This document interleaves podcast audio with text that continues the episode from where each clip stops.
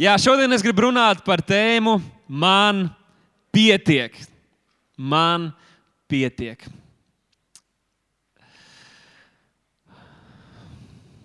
Filipiešiem 4.13 ir teikts, un Pāvils mums iedod šādu brīnišķīgu apsolījumu ar vārdiem, kurus mēs, gribētu, lai mēs kopīgi nolasām tagad no ekrāna. Un tur ir rakstīts, es visu spēju tā spēkā, kas mani dara stipru. Labi, izlasīsim vēlreiz, un šoreiz lasi tā, it kā tu tam ticētu. Labi, 3, 4. Es visu spēju tā spēkā, kas mani dara stipru. Jautājums ir, vai tu tam tici? Jo, ja tu tici, ka tev izdosies, ja tu tici, ka tu vari, tu patiesībā vari. Un otrs puses, ja tu esi pārliecināts, ka tev neizdosies, ka tev nesanāks, tad tu jau iepriekš esi pravietiski pasludinājis to, kas arī notiks tavā dzīvē. Nav veiksmīgi cilvēki, kas eh, nonākuši savā ietekmes brīdī, saka, es nezinu, kā es te nonācu. Es nekad necerēju, nedomāju, ka tas varētu notikt ar mani. Tā notiek tikai ar tiem, kas uzvar kādā loterijā, bet viņu dzīve tik un tā tik labi nebeidzās. Bet mēs visu spējam tā spēkā, kas mūs dara stipri. Tā tad nevis mūsu cilvēcīgajā spēkā, bet viņa spēks darbojas mūsos. Un vienā svētdienā pirms lieldienām mēs runājām par eh, un centāmies atrast, rast atbildi uz jautājumu, ko es varu darīt lietas labā. Vai jūs atceraties? Ko es varu darīt lietas labā? Kāpēc mēs uzdevām šo jautājumu? Jo mēs visi redzam, ka ir problēmas, mēs visi redzam, ka ir izaicinājumi, mēs visi redzam, ka ir kādas vajadzības, vai mums pašiem, mums apkārt esošajiem, mūsu pilsētā, mūsu valstī, varbūt pat Eiropas līmenī, pasaules līmenī, globālā klimata līmenī, kādas teiktu. Mēs visi redzam vajadzības, bet jautājums ir, ko mēs varam darīt lietas labā. Un man bija tik liels prieks redzēt, ka vairāki no jums atsaucāties un rakstījāt uz draugu. Ir vīri, kas jau ilgāku laiku ir runājuši par to, ka viņiem ir sirdī palīdzēt un ieguldīties kādu pusauģu dzīvēs, kuri ir uzauguši varbūt bez tēviem. Ir kādi, kas saka, mēs gribētu praktiski līdzdarboties un palīdzēt kādiem, kas paši nav spējīgi tikt galā ar, ar kādām vajadzībām vai uzdevumiem. Kāda sieviete mums uzrakstīja, kas ir ļoti augsta uh, līmeņa profesionāli. Viņa rakstīja, ka viņa vēlētos mentorēt jauniešus un palīdzēt viņiem iegūt labas darba vietas un, un palīdzēt cilvēkiem, kuri ir nonākuši parāda saistībās. Un zini ko? Ja Dievs ir ielicis tavā sirdī sāpes, ja tu redzi un tev rūp, tad tu vari to izdarīt Dieva spēkā. Ja tu cilvēcīgi to nespēji, bet tu vari to darīt Viņa spēkā, Viņa spēkā, kas tevi dara stipru. Tu esi stiprs, jo Viņš tevi tādu ir darījis. Un tāpēc šodien pamatdoma, ko es gribētu, lai mēs satvertu un pieņemtu, ir tā, ka Dievs grib, lai viņa bērni ir svētīti un ir par svētību arī citiem. Es zinu, ka tas ir kristietības ABC. Mums ir jāzina, ka Dievs ir labs, un vēlams ir slikts. Un vi, mēs gribam visu, kas nāk no Dieva, un mēs negribam neko, kas nāk no vēlna, un no miesas un no grēka. Bet šo mums ir jāsatver. Dievs vēlas, lai viņa bērni ir svētīti un ir par svētību arī citiem. Kad Dievs aicināja Ābrahāmu, tad viņš viņam teica šos vārdus: Es tevi svētīšu, darīšu lielu tavu vārdu, un tu būsi par svētību. Un cik daudz jūs zinat, ka mēs esam Ābrahāma apsolījuma mantinieki? Amen. Un tātad, ja Dievs to teica Ābrahamam, tad varbūt nedaudz citādā, atšķirīgā veidā, bet tomēr šie paši apsolījumi attiecas arī uz mums. Tātad Dievs grib tevi svētīt, saka, Dievs grib mani svētīt un darīt par svētību. Jēzus teica saviem mācekļiem, lai jūsu gaisma spīd ļaužu priekšā, ka tie ierauga jūsu labos darbus un godā jūsu tēvu, kas ir debesīs. Un Efeziešiem 2.10. Pāvils saka, ka Dievs ir jau iepriekš sagatavojis labus darbus, kuros mums vienkārši ir jādzīvo. Tātad labi darbi mums mūsu resursiem, jā, arī mūsu finansēm. Dievs ir paredzējis labus darbus, kuros mums dzīvot. Bet šis apsolījums, ko Pāvils mums iedod vēstulē Filipiešiem, viņš bieži tiek lietots dažādos kontekstos. Arī tepat Latvijā, bet ārzemēs ir kādi slaveni, ticīgi cilvēki, kas ir, kāds ir sporta vidē ļoti uh, veiksmīgs, kāds ir biznesa vidē, kāds ir kalpošanā. Un tad viņi citē šo 13. pantu, bet es gribētu, lai mēs apskatāmies šo raksturvietu tās kontekstā. Jo konteksts uh, mums varētu parādīt vēl kādu citu virzienu, kā šo raksturvietu mēs varam un kā mums to vajag lietot. Un tāpēc pastīsimies mazu vienu pantu iepriekš, ko Pāvils saka, tāda Filipiešiem 4.12. un uh, Filipiešiem 4. nodaļā ielieciet pirkstu, jo mēs tur apskatīsim vēl dažas raksturvietas. Un tāda 12. pantā Pāvils saka, pirms šī brīnišķīga apsolījuma viņš saka, es protu būt zems, protu arī dzīvot pilnībā. Nekas man nav svešs. Es protu būt paēdis un izsalcis. Ja mēs tā padomājam, interesanti, ka viņš runā par, par dzīves līkločiem, par augšām, lejām. Ja esat kādreiz bijuši amerikāņu kalniņos vai mūsu arī meža parkā, bija kaut kas ļoti, ļoti tāls no, no amerikāņu kalniņiem. Tomēr mēs zinām, kā tas ir, kad uzbrauc augšā, uzbrauc lejā, uzbrauc augšā, uzbrauc lejā, tev apmet kājām gaisā, tad atkal atpakaļ. Un tā sajūta ir diezgan uh, bezspēcīga, sajūsminoša, jo tu nespēji neko kontrolēt. Ir vienkārši lietas, kas ar tevi notiek. Un šeit Pāvils saka, arī viņam dzīvē reiz pa reizēm sanāca tā. Reizēm viņš bija pārpilnībā, viņam viss kā bija gana, bet bija brīži, kad viņš, viņam trūka, kad, kad viņam nebija arī, arī ko paēst. Un viņš saka, ka viņam ir prasme, saka, prasme. Viņš ir attīstījis prasmi, uh, un spēju dzīvot gan tā, gan tā. Tātad apstākļi nenoteica viņa dzīves kvalitāte, bet tikai komforts. Es zinu, ka bieži runājam par kvalitāti. Mēs sakām, jā, man ir mašīnā tik mīksta sēdekļa, es varu braukt tik ātri, man ir tik liela māja un tā tālāk. Bet, ja tā dziļi, ja ņemam tās dzīves kvalitātes pašā nu, esencē, tad mēs redzētu, ka ir daudz cilvēku, kuriem šķietami varbūt nav tik daudz un tik labas lietas kā citiem, un tomēr viņu dzīves kvalitāte ir izcila. Viņi ir laimīgi, viņiem ir jaukas attiecības. Viņi dzīvo piepildītu dzīvi, un kāda cita, kuriem it kā ir viss, pēc kā mēs šķietam, gribētu tiekties, un tomēr Tomēr viņa dzīve nav piepildīta. Pavisam nesen viens no tādām uh, manas pusauģa gadu vecuma slavenībām, reperis DMX, uh, pārdozēja narkotikas, tā laupot sev dzīvību. Viņam bija visa pasaule, viņš bija iegūmis visu pasauli, un tomēr kaut kas viņam trūpa, trūka. Un tas nozīmē, ka Pāvils bija spējīgs uh, Eh, un sagatavots visādiem pavērsieniem. Jā, Dievs grib mūs vest kalnā, un Dievs grib mūs vest uz priekšu, bet mēs dzīvojam tādā pasaulē, ka var notikt kādi negaidīti pavērsieni. Un Pāvils teica, es esmu tam gatavs. Varbūt, tev liekas, ja pēkšņi pārtrūktu kādas tavas iespējas vai ienākumu, kur līdz šim tu to esi darījis, un es jūties komfortabli, ka tava dzīve būtu pavisam sagrūsta ar Pāvila attieksmi, tu teiktu, arī tad es tiktu galā. Ja pat notiks pasaulē kaut kāda liela krahi, es tikšu galā. Dievs svētīja man roku darbu, Dievs ir devis man gudru galvu, Dievs ir devis man spējas, attiecības. Es tiktu galā, es protu arī tā. Mēs aizējām līdz pat vēl vienu pantu iepriekš, kur 11. pantā Pāvils iedod mums vēl vairāk kontekstu, un šī ir atslēgas raksturvieta šodien, kur Pāvils saka, ka es esmu mācījies būt pieticīgs ar to, kas man ir. Es zinu, ka vārds pieticīgs nav vārds, ar kuru mēs gribam asociēt savu dzīvi un asociēt arī sevi. Lai gan pārsteidzoši, bet ja mēs uzliekam to fokusu uz šo vārdu un lasām Bībeli, tad mēs redzam, ka Bībelē tas lietots diezgan daudz attiecinot tieši uz mums, kristiešiem. Bagātiem, netik bagātiem, visādā ziņā. Pieticība.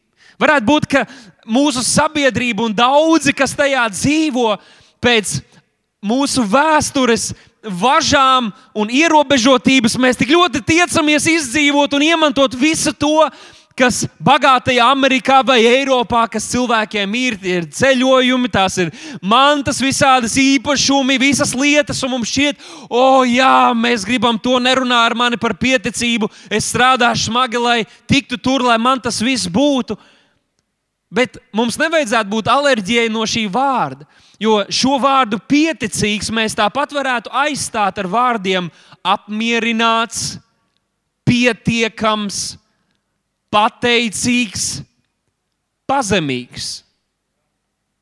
Tāds, kam nav augstu prasību, tāds, kam nav nepieciešami īpaši labvēlīgi apstākļi un vide, lai tas varētu ne tikai eksistēt, bet sevi realizēt. Scientific American uh, publikācijā es redzēju tādu lielu virsrakstu, kas man ieintriģēja. Un tur bija rakstīts šādi: ļoti iespējams, ka cilvēks ir būtne vai radījums, kurš ir vislabāk spējīgs pielāgoties apstākļiem. Cilvēks? Mums taču šķiet, ka ja pēkšņi pazustu internets, vai elektrība, vai kāds, kāda mašīna ir iepa pārdurtos, mūsu dzīve būtu galā. Un tomēr ir pētnieki, ir zinātnieki, kas saka, ka cilvēks no visas radības, ko mēs redzam visapkārt, plēsēji, visādi rāpuļi, viss kaut kas, arī eh, dzīvā radība, runājot par kalniem, krūmiem. Cilvēks ir visvairāk spējīgs pielāgoties un turpināt, turpināt uzvarēt, izplesties. Vienalga, kādos apstākļos viņš arī nonāktu. Vai tu tā raugies arī uz sevi? Un īpaši, ja mēs esam Kristu Jēzu, lūk, kādu homo sapienu Dievs ir radījis. Tas ir radības kronis. Ļaujiet man jums ilustrēt to, ko, ko tad es cenšos pateikt. Krievijā ir kāda vieta, kuras nosaukums ir Oimjakon. Oimjakon un tur vidēji Vidējā temperatūra ir mīnus 50 grādi. Mēdz arī sasniegt mīnus 70 grādu robežu. Un ziniet, ko? Tur ir cilvēki, kas tur dzīvo. Mums ziemā vairākas dienas pēc kārtas ir mīnus 20 grādi, un puse Latvijas gandrīz tiek aizvērta, un cilvēki domā, mēs tulīt mirsim. Bet ir cilvēkam tā ir ikdiena. Viņi iziet ārā, un viss ir sasalis un cilvēki ir spējīgi tur dzīvot. Saudārābijā ir tāda vieta, Medina, un tur vidējā temperatūra ir 38,8 grādi. Mēdz sasniegt arī 39,4 grādus. Kāds no jums nekad neesat tik siltu ēdienu pateicis? Un cilvēki tur ir spējīgi dzīvot. Evangelijas tur tiek sludināts. Cilvēki dzīvo tūkstošos, kalnos, uz ūdens. Es nezinu, vai zemūdens palīdziet man. Ielējās, alās, teltīs, pilīs, un cilvēki turpina izdzīvot, turpina uzvarēt, turpina augļoties un piepildīt šo zemi. Ir vietas, kur nabadzīgākas valsts, kur cilvēki pārtiek no, klausieties, grilētiem kāpuriem, vārītiem siseņiem, sienāžiem, gluži kā Jānis Kristītājs. Tikai no zaļumiem, no putekļu plāceņiem. Un viņi spēja izdzīvot. Un šoreiz, jāsaka, tiešām izdzīvot, nevis dzīvot. Es domāju, tas tomēr ir ļoti, ļoti skumji. Pasaules banka ziņo, ka gandrīz divi miljardi cilvēki visā pasaulē dzīvo ikdienā iztiekot ar 3,20 eiro. Tātad 3, 3 dolāriem un 20 centiem, kas ir aptuveni tas pats, kas arī eiro. Gandrīz puse no pasaules iedzīvotājiem pārtiek no 5, eir, 5 dolāriem un 50 centiem dienā. Un, ja tev liekas, nu, tur neko daudz vairāk neiztērēji, tad padomā par transportu, par degvielu, par pārtiku, par īri, citiem izdevumiem un izdala tos pa dienām. Ko es cenšos pateikt? Vai mums ir jādzīvo tā, kā viņi dzīvo, lai mēs būtu pieticīgi? Nē, es tikai cenšos pateikt, ka mums patiesībā nav vajadzīgs tik ārkārtīgi daudz, lai mēs varētu dzīvot, lai mēs varētu izdzīvot, lai mēs varētu darīt tās lietas, kas mums ir nepieciešamas.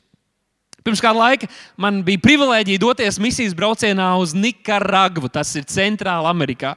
Es nezinu, vai jūs tur esat bijuši, bet, ja jums šķiet, ka vārds Amerika vienmēr saistās ar bagātību, ar turību, tad jūs laikam īpaši daudz nesaprotiet par to, kā veidot kontinentu un tā tālāk. Un Centrāla Amerikā šī valsts ir ļoti, ļoti nabadzīga. Lai gan, ja jūs aizbrauktu uz tās galvaspilsētu, tad tur tā turība līdzinās Amerikas lielajām pilsētām, citām pasaules uh, lielajām, uh, bagātajām pilsētām, kā piemēram Rīga. Transports, cilvēku turība ļoti, ļoti viss ir viss sakārtots. Bet tad, kad jūs izbraucat ārpus galvaspilsētas, jūs ieraugat milzīgu nabadzību. Jūs ieraugat milzīgu nabadzību, un es kādreiz jau esmu teicis, ka tur cilvēki dzīvo tādos apstākļos, kā iespējams mūsu suņi nevarētu izdzīvot. Un tā kā Tad, kad ir iespējams, un kad atkal būs iespējams doties uz kādām vietām un ceļot, tad es aicinu ne tikai vienmēr domāt par vietām, kur var uzņemt smukas bildes Instagram vai vietām, kur var kārtīgi atpūsties, bet ir vērts pašiem profilaksei. Un arī varbūt kopā ar saviem bērniem aizbraukt, vai tepat kaut kur netālu, varbūt tepat Latvijā, varbūt kaut kur tālāk uz vietām, kur ir cilvēki, kam ir lielākas vajadzības, kas dzīvo varbūt trūkumā. Un tas palīdzēs arī pašiem vairāk novērtēt to, kas mums ir dots. Bet to, ko es pamanīju šajā Nikaragvā, mums bija iespēja braukt pa dažādiem ciemiemiem un iet uz ielām un censties pasludināt evaņģēlīju ar sketčiem, ar uzrunām. Un manā gadījumā tas bija dažas iespējas arī, kad es runāju angliski, un man tulkoja spāņu valodā, jo, jo, jo es spāniski tikai dažus vārdus tajā laikā biju iemācījies pateikt.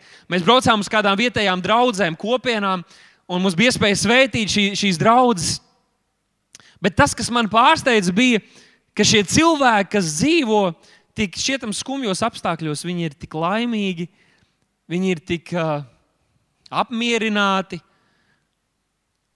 Neteikšu obligāti ar tiem apstākļiem, bet ar dzīvi, ar, ar tām attiecībām, ar ģimeni, kas viņiem ir. Viņi ir pēduši, viņiem ir kāds skaists drēbes, ko viņi uzvelk svētdienā, lai varētu pagodināt Dievu un, un, un, un būt viņa priekšā ar, ar to labāko, kas viņiem ir. Uh, Un tas ir pārsteidzoši, ka jo turīgāka sabiedrība paliek, jo mazāk apmierināta, jo nelaimīgāka, visādas depresijas, pašnāvības domas.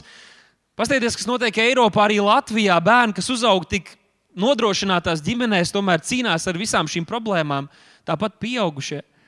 Bet vietās, kur iespējams viņi pat nezina, ka labāka dzīve pastāv, kur ir smagi, kur viņiem ir katru dienu jāstrādā nevis lai uzbūvētu sev pili, bet lai varētu parūpēties, ka bērniem ir ko uzlikt uz galda.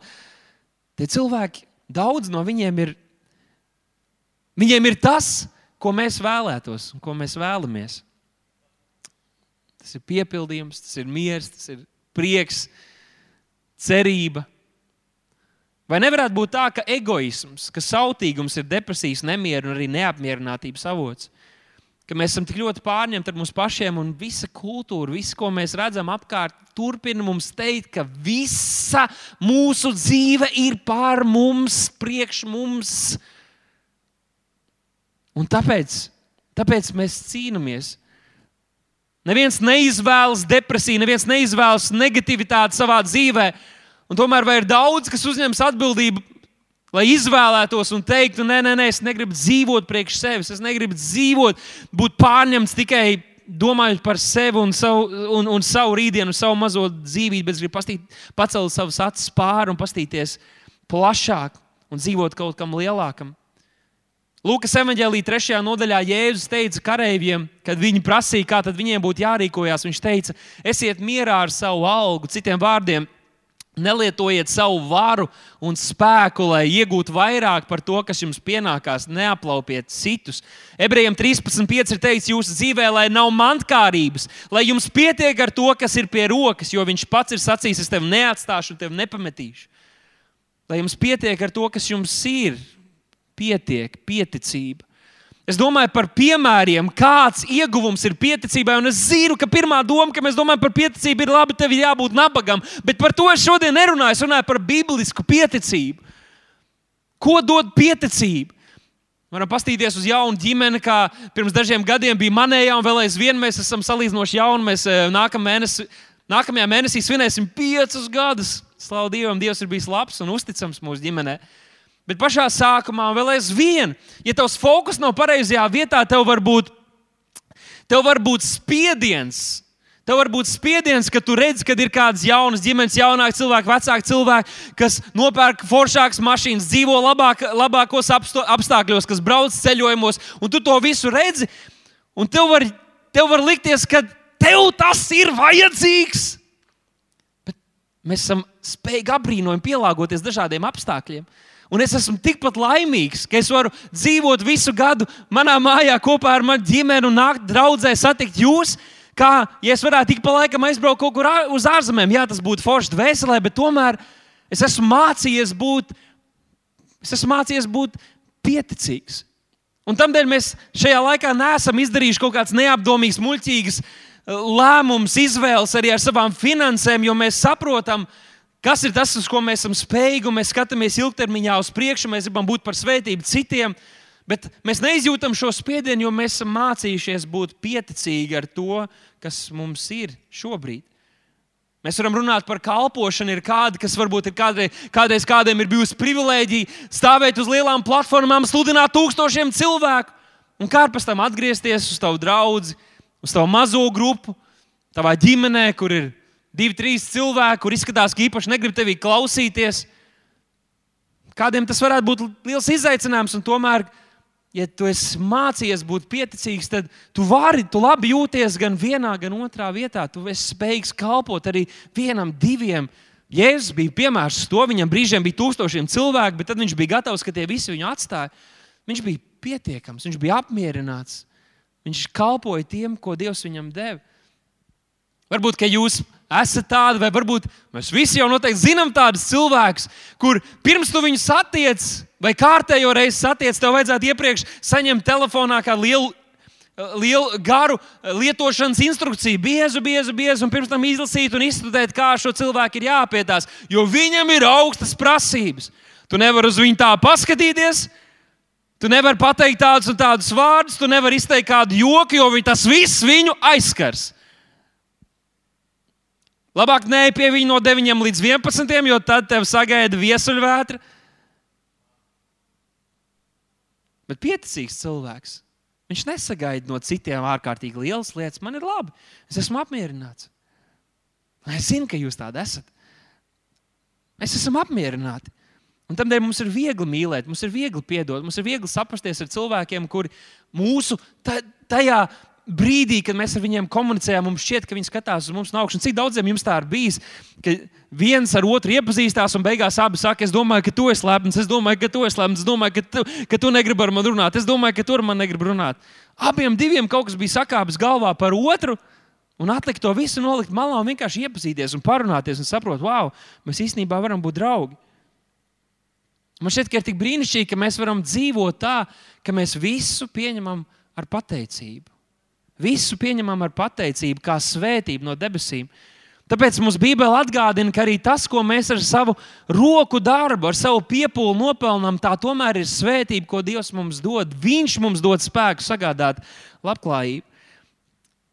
Un kāds, kādu nedēļu atpakaļ, vai drusku vairāk, pie mums mājās viesojās Man omīte un opītis, un e, jūs noteikti viņus e, pazīstiet. Viņi visu dzīvi ir kalpojuši tam kungam, un, e, un, un mēs arī mūsu ģimenē turpinām nes šo viņa ticības mantojumu, kas jau ir nodots paudžu paudzēm. Un mēs bijām uzaicinājuši viņus ciemos, jo kādu laiku nebijām satikuši. Un tad, kad jau viss šī sadraudzība beidzās, un mēs runājām par Dieva darbiem un dzirdējām liecības, tad beigās mēs gribējām lūgt un mazliet arī dziedāt kādas slavas dziesmas. Un mēs to padarījām, un tad uh, Stefānija bija iemācījusies nejauši pat uh, šo dziesmu joka pēc alfabēta. Ļoti labs veids, kā iemācīties alfabētu. Un, uh, tad, kad mēs jau gandrīz beidzām, tad Omīte gribēja dziedāt vēl kādu dziesmu. Un tā ir dziesma, kuras bija pilnībā aizmirsts un nebija par to domājis visus šos piecus gadus, kamēr esmu laulībā, un ilgi pirms tam iepriekš arī nebija par šo dziesmu domājis. Bet tad, kad mēs to dziedājām, es sākumā, es sākumā nodomāju, šo dziesmu es tiešām nekad vairs nedziedāšu. Bet tad, kad mēs to bijām nodziedājuši, es sapratu, ka tā ir dziesma, kuras gribētu dziedāt katru dienu ar saviem bērniem. Un šī dziesma ir mazā virbulīša dziesma. Varbūt jūs kādreiz esat viņu dzirdējuši vai dziedājuši, bet es gribētu, ka mēs kopīgi viņu nodziedam.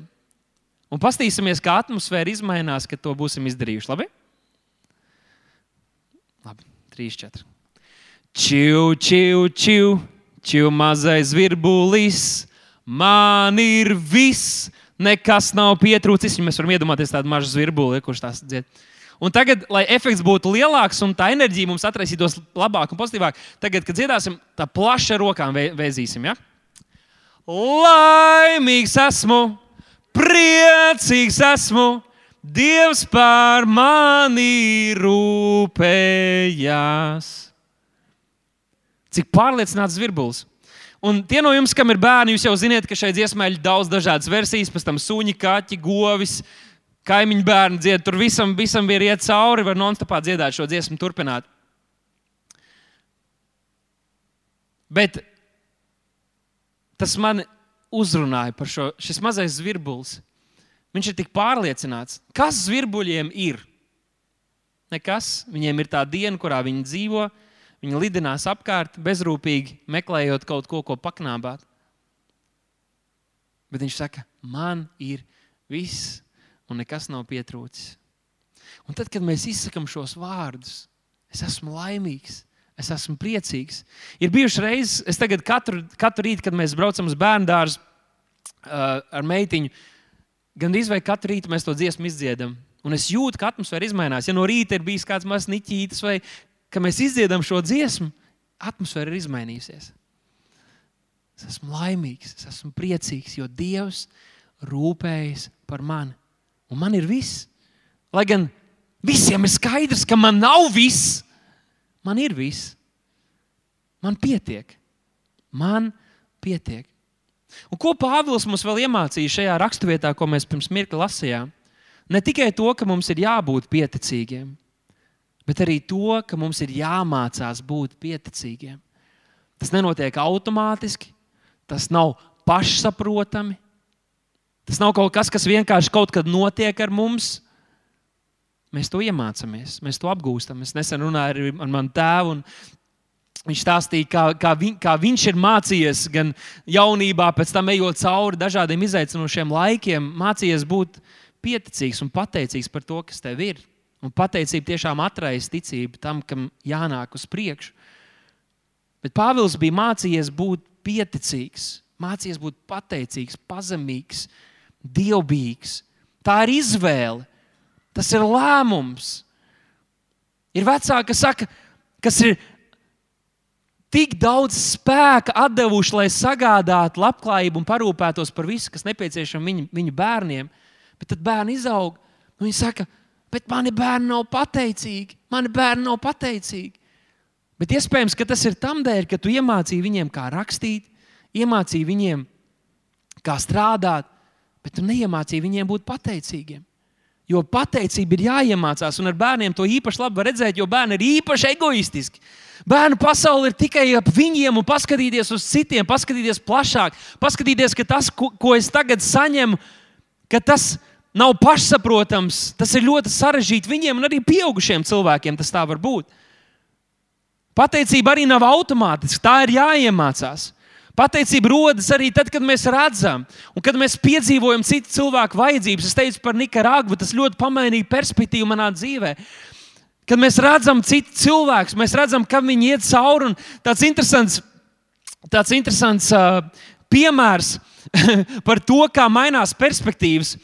Kad es atbraucu no ASV, es biju nopircis kādu mašīnu, un pēc tam, mums, uh, kad mēs tuvojās mūsu laulību diena, ne, tuvojās mūsu uh, pirmā bērniņa nākšana pasaulē, tad mēs sapratām, ka mums vajadzēs nedaudz lielāku mašīnu. Es atradu kādu V70 Volvo, tādu uzticamu, ar, ar mazu patēriņu, bet nu, salīdzinoši vecāku un tādu vienkāršu mašīnu.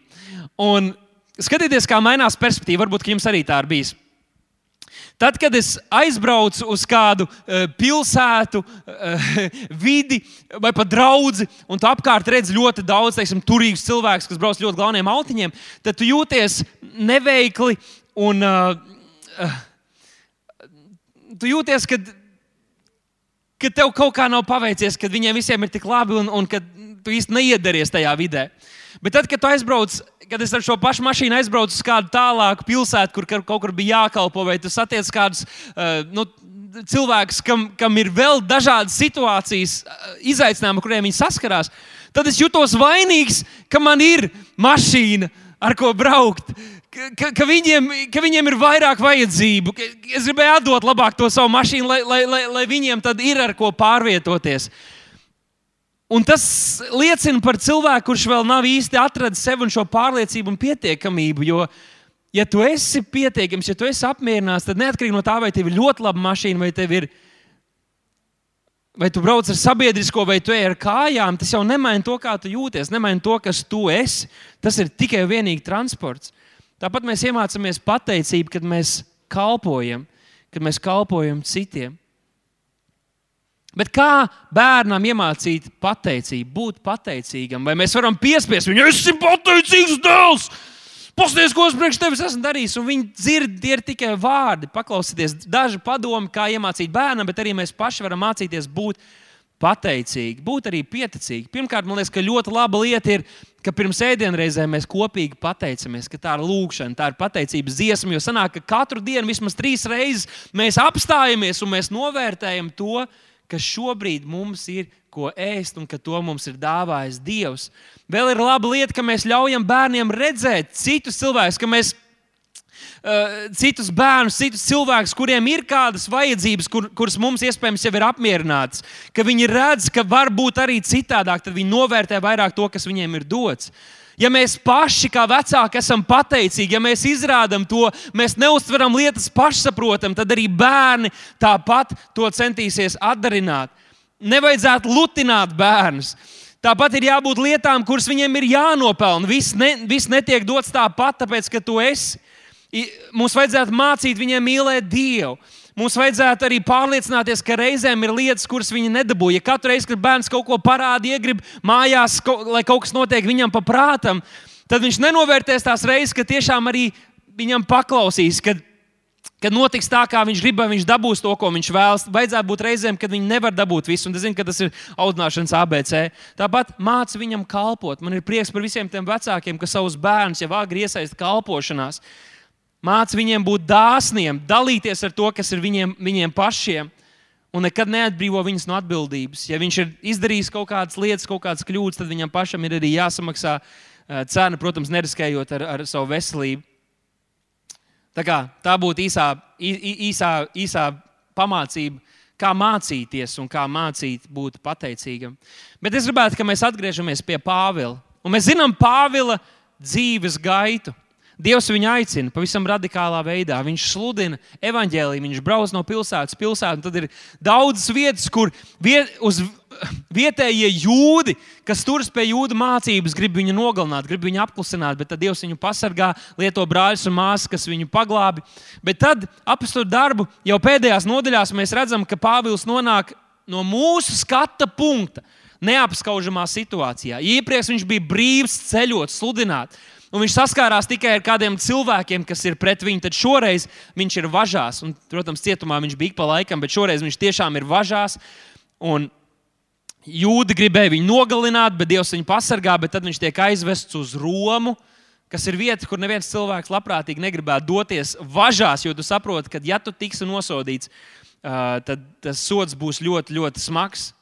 Bet lasot šo notikumu ar Pāvilu, 27. un 28. 28. nodaļu, mēs redzam, ka Pāvils vēl aizvien bija pieticīgs, pateicīgs, pazemīgs, apmierināts. Arī esot važās. Varbūt mums ir kādam bijis šajā laikā jāsēž mājās, varbūt mēs izjūtam kādus ierobežojumus, varbūt kādas iespējas, izklaides, citas lietas mums ir laupītas pavisam vai uz brīdi. Pāvils zināja, kā tu jūties. Bet viņš domāja par to, kas viņam ir, nevis par to, kas viņam nav. Viņš koncentrējās uz to, kas tagad ir iespējams, nevis uz to, kas vairs nav iespējams. Viņš domāja, ko es varu darīt tagad. Un tādēļ mēs redzam, ka Pāvils aizves gūstā Viņš turpina darīt to, kas ir viņa sirdī. Viņš turpina dzīvot saskaņā ar to aicinājumu, ar kādu Dievs viņu bija aicinājis. Apstākļi nomainījās, Pāvils neizmainījās. Viņš vēl aizvien dega, viņš vēl aizvien bija gatavs rīkoties, lai piepildītu dieva nodomu.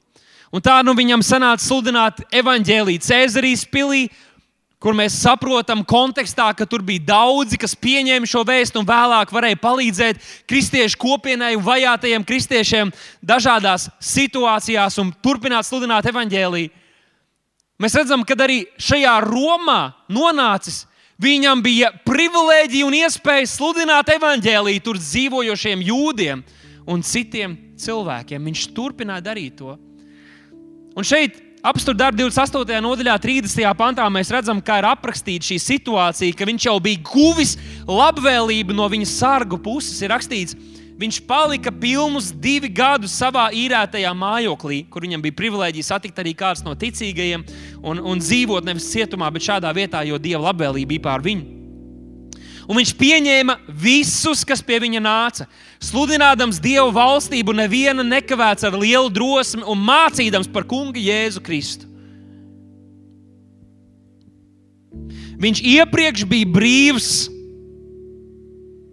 cilvēcīgi brīvs, bet viņa vēsts tika traucēta, viņa kalpošana tika traucēta, kas bija tas viņa galvenais fokus.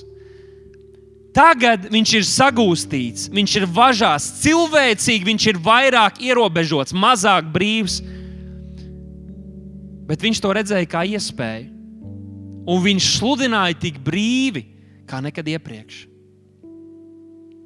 Apstākļi nenoteica to, kas notika ar Pāvilu, kas notika ar viņa aicinājumu, kas notika ar to, ko Dievs bija teicis viņa dzīvē.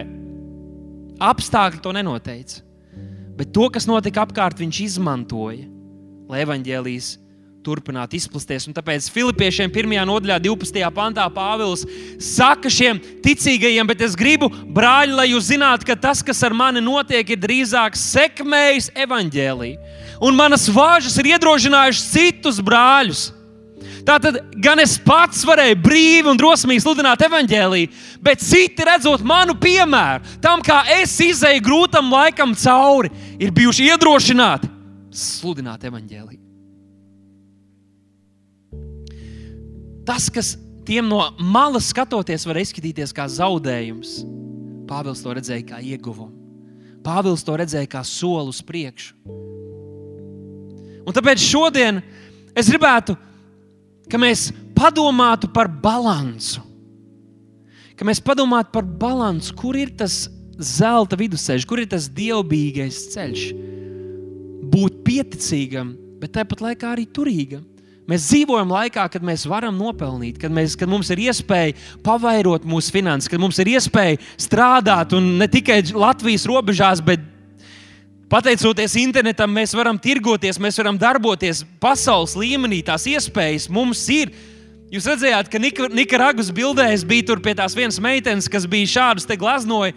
Meitene! Un ziniet, ko tur ir interesanti Nikaragvā? Kad tur ir Amerikas kristieši, kas ziedo kaut kādus desmit dolārus, lai tas bērns varētu, ja nemaldos, mēnesi dzīvot skolā tikt pabarots un iegūt izglītību. Un ir vecāki, kas labāk izņem tos bērnus atpakaļ no skolas un liek viņiem vākt kartupeļus, nesaprotot izglītības nozīmi. Bet tur bija šī meitene šajā skolā un daudz tādu bērnu. Viņam nebija nekas daudz, viņam nav nekāda resursa. Re, viņi atrada kaut kādu koku gabalu, sazāģēja viņu, nedaudz apstrādāja. Mums draugi arī ir daži tādi, kas tādā veidā ir uzsākuši biznesu. Un viņi ir iemācījušies apgleznot tādus. Un tad viņi atrod kādu cilvēku, kas tādus grib nopirkt. Kāda ir, kāda ir tava attaisnojuma? Kāpēc tev ir tik grūti? Kāpēc tev šķiet, ka tu neko neesi spējīgs izdarīt šeit? Bet šeit runājot par balansu, Jēzus Mateja Vangelijas 6. nodaļā mums iedeva tādu brīnišķīgu ieskatu tajā, kā mums vajadzētu dzīvot. Viņš teica, tāpēc jums nebūs zudīties par to, ko jūs ēdīsiet, ko jūs dzersiet, ar ko jūs ģērbsieties. Viņš saka, pēc tā visa pagāni dzenas. Kas ir pagāni? Tas ir mīsīgi. Cilvēks domā par to, domā tikai par šīm fiziskajām, mīsīgajām lietām. Viņš saka, jums tā nebūs dzīvot. Mums ir jādomā par kaut ko citu, acīm redzot. Mums ir jā, nevis jāzūd, bet jāstrauc, jādomā, jāsapņo par kaut ko citu, par kaut ko vairāk, par kaut ko lielāku. Un tāpēc, ja Jēzus mums iedod atbildi, ko mums vajadzētu darīt, viņš saka, bet debes Tēvs zina, ka jums visu to vajag. 33. pāns, bet zenieties pa priekšu, pēc pa priekšu. Visu pirms, visam pāri dzenieties pēc Dieva valstības un viņa taisnības. Viņš saka, un viss pārējais tiks piemests. Par visu pārējo Dievs parūpēsies. Un es domāju par šo balansu. Kur ir tas balans? Kā lai mēs viņu nodefinētu? Un es sapratu šo. Nerunājot tikai par finansiālu turību. Tas var būt, nezinu, attiecībās, tu var būt turīgs, tu var būt turīgs. Uh, Nezinu, kādā citā vidē, kurā tu darbojies, un tev ir ietekme, tev ir kaut, kād, kaut kāda spējas kaut ko mainīt. Tam ir, tam, ko mēs darām, ir jābūt jēgai. Tad, kad mūsu rīcībai, kad mūsu centieniem pazūd jēga, tad mēs nonākam šajā grāvī, kurā mēs nevēlamies būt. Sociālajos tīklos diezgan bieži man nākas redzēt, varbūt tas ir tikai man, tas, bet, bet iespējams, ka jūs arī ar to saskaraties, kad ir uh, tādi, tādi ieraksti, publikācijas, kur ir rakstīts, ka nu, piemēram, tāds, es būšu pirmais miljonārs savā ģimenē. Un tad, ja tu gribi sevi iedrošināt, pierādīt saviem draugiem, parādīt, ka tu esi ļoti centīgs, malacis, ka tu būsi ļoti bagāts, tad tev tur jāieķeksē vai, vai jāieraksta kaut kas komentāros, un cilvēki to izmanto un dara. Un, kad es redzu šādas veidu publikācijas, es domāju, kāpēc? Būt bagātam, būt turīgam pats par sevi ir stulbs mērķis. Mēs zinām, tik daudz cilvēku, kuriem, kuriem iemantojuši visu pasauli, bet viss, kas cits viņam dzīvē ir, izņemot naudu, ir pilnīgā grīstē. Varētu prasīt, ko tu gribi izdarīt, kam tu gribi palīdzēt, kādu problēmu tu gribi atrisināt. Ir iespējams dzīvot patiesu veiksmīgu dzīvi, gan Dievu priekšā, gan arī cilvēku acīm veiksmīgu dzīvi un nodzīvot pa šo zelta ceļu. Esot veiksmīgam, turīgam, bagātam, vienalga kā to gribu saukt. Un no otras puses, esot arī pieticīgam. Mums draudz ir labs piemērs. Kad vēl mums bija svētdienas skola, un drīz atkal būs Jēzus vārdā, tad a, mums ir online tagad, PV, PV bērni. Atrodiet ļoti daudz labu saturu. Tur. Bet mums draudzē Mums ir augsta līmeņa politiķi, kas ieņēmuši viens, vienas no augstākajām nu, ietekmes pozīcijām mūsu valstī, kas ir nākuši šeit un tīrījuši grīdas un kalpojuši jūsu bērniem. Un jūs droši vien dusmīgi esat bijuši, kad, kad kaut kas nav noticis jums paprātam. Un šie cilvēki ir parādījuši pazemību, esot ļoti augstās varas pozīcijās. Mums ir vadītāji, uzņēmēji, kas, kas nodarbina desmitiem, simtiem cilvēku, lai viņi varētu būt spējīgi parūpēties par, par savām ģimenēm, par saviem bērniem. Un šie vīri un sievas un daudzi profesionāļi ir nākuši šeit un, un izpildījuši visam vienkāršus uzdevumus un cenšas jums atgādināt, ka dievkalpojumā šobrīd tomēr jāvelk maskas vai palīdzēt jums atvērt durvis Šis ir tas ceļš, pazemība, apmierinātība. Es esmu sasniedzis, Dievs ir cēlis, bet es vēl aizvien esmu Dieva bērns, vēl aizvien esmu, vēl aizvien esmu kalps. Un Pāvils arī to bija piedzīvojis. Viņa noslēpums uz pieticīgu dzīvi bija, viņš bija atradzis sevi Kristo Jēzu.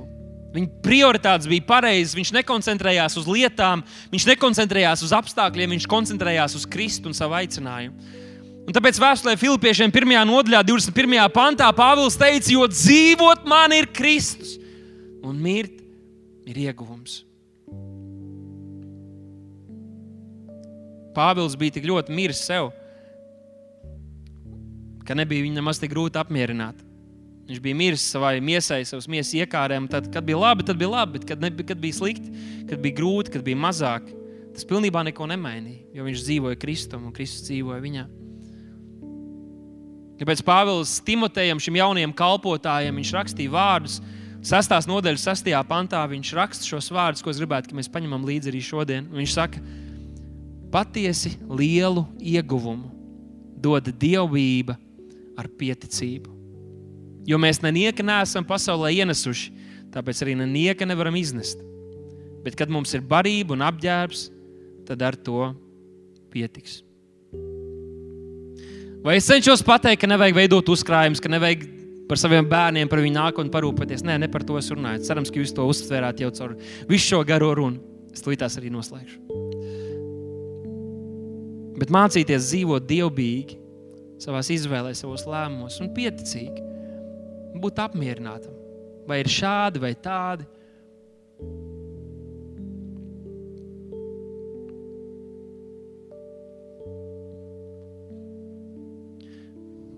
Finanšu eksperts Deivs Remzijs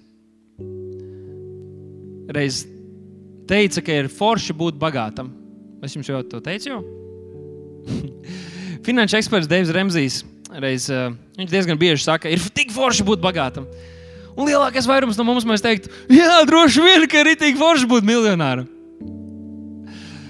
Bet viņš to viņš ielika citā kontekstā, un jūs līdz tā sapratīsiet. Un tad mēs lūgsim ka slavētājs var nākt augšā.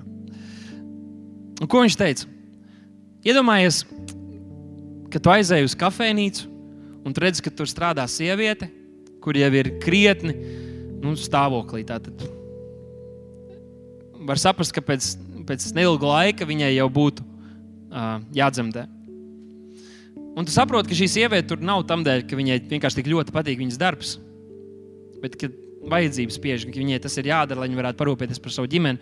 Un Amerikas Savienotajās valstīs arī teiksim, šī so, so, sociālā, sociālās pabalsts un tādas lietas ir mazliet eh, sarežģītāk nekā mums te Eiropā. Un viņš saka, ziniet, kāpēc ir forši būt bagātam?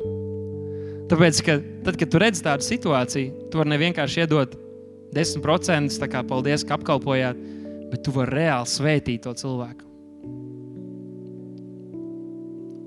Liekas, tā ir perspektīva. Tas ir tas, kā mums jātiec, kur mums jātiecās. Katram būt svētītam, nodarbinātam tajā vietā, tajā sfērā, kalpot tajā vietā, kur Dievs mūs aicina. Bet arī pieticīgiem, tā ka mēs domājam arī par citiem. Mēs redzam citu vajadzības, un uz to Dievs arī mūs aicina.